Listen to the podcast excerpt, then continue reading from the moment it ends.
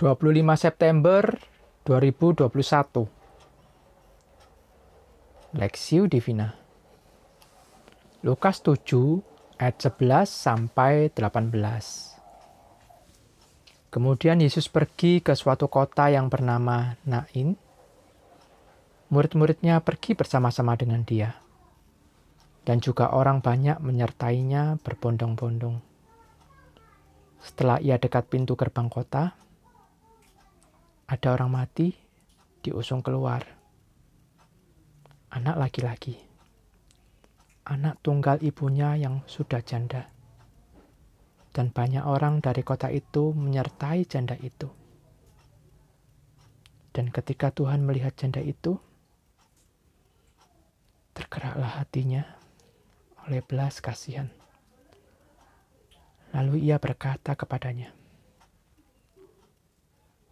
Jangan menangis.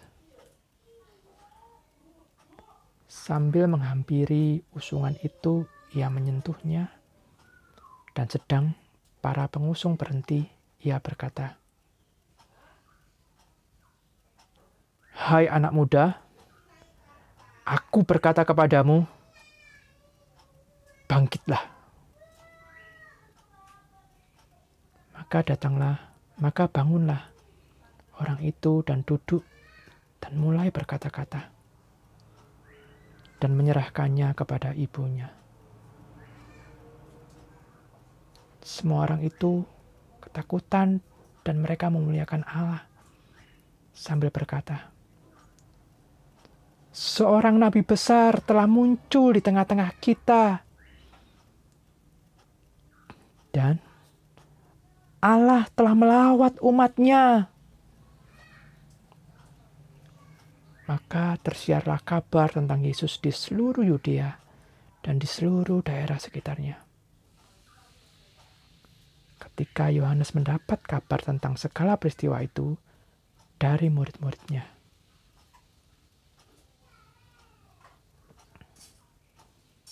mujizat Yesus membangkitkan anak muda.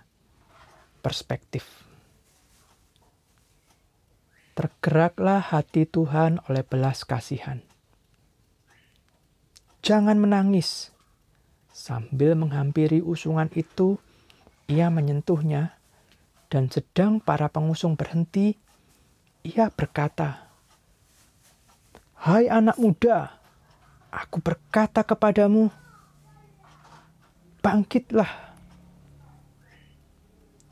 Lukas 7 ayat 13 sampai 14. Injil Lukas ini mengisahkan Yesus Kristus membangkitkan anak seorang janda di kota Nain yang sudah mati dan sedang diusung keluar untuk dikuburkan. Ia adalah anak tunggal ibunya yang sudah janda. Ibunya tidak memiliki siapa pun lagi setelah anaknya meninggal. Betapa sedih hati ibunya. Karena anaknya yang diharapkan dapat membantu, menolong dan menopang hidupnya telah meninggal. Bukan hanya sang ibu yang sedih, juga orang banyak yang menyertainya saat itu. Kehadiran Tuhan Yesus di Nain mengubah duka cita menjadi sukacita. Hati Yesus tergerak oleh belas kasihan. Yesus merasakan kesedihan yang mendalam mengetahui situasinya. Maka Yesus mendekatinya dan berkata, "Jangan menangis." Perkataannya menjadi kekuatan bagi sang ibu hari itu, dan juga setiap kita yang percaya kepadanya. Tuhan menyatakan belas kasihan dan rahmatnya berlimpah-limpah kepada umatnya. Kasih Tuhan ada untuk kita dan selalu menghibur dan menguatkan kala mengalami kesedihan dan kehilangan.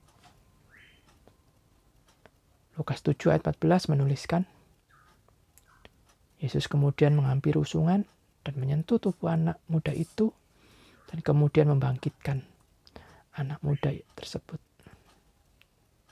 Ia berkata, Hai anak muda, Aku berkata kepadamu, bangkitlah.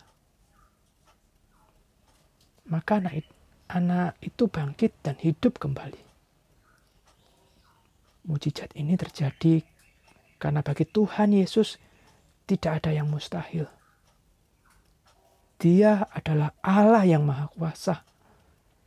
Semua perkataannya penuh kuasa dan memberikan pengharapan bagi umatnya. Rasul Paulus menuliskan, supaya kamu janganlah berduka cita seperti orang lain yang tidak mempunyai pengharapan. 1 Tesalonika 4 ayat 13. Di dalam keadaan apa pun, baik susah, sedih, menderita, bahkan mengalami duka cita pun, janganlah menyerah dan putus asa. Tetaplah berharap kepada Tuhan, sebab hanya di dalam Tuhan Yesuslah ada penghiburan kekuatan, kasih, dan juga pengharapan. Waktu Tuhan pasti yang terbaik memulihkan keadaan kita. Amin. Studi pribadi, ceritakan kembali apa yang terjadi di kota Nain. Apakah Anda yakin bahwa Tuhan Yesus juga sanggup membangkitkan jiwa dan semangat ketika Anda sedang mengalami penderitaan dan duka cita sekalipun.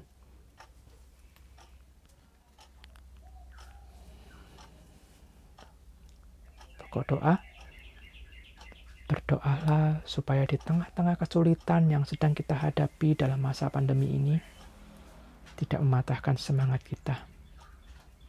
Biarlah kita tetap berharap dan bersandar kepada Kristus yang Maha Kuasa.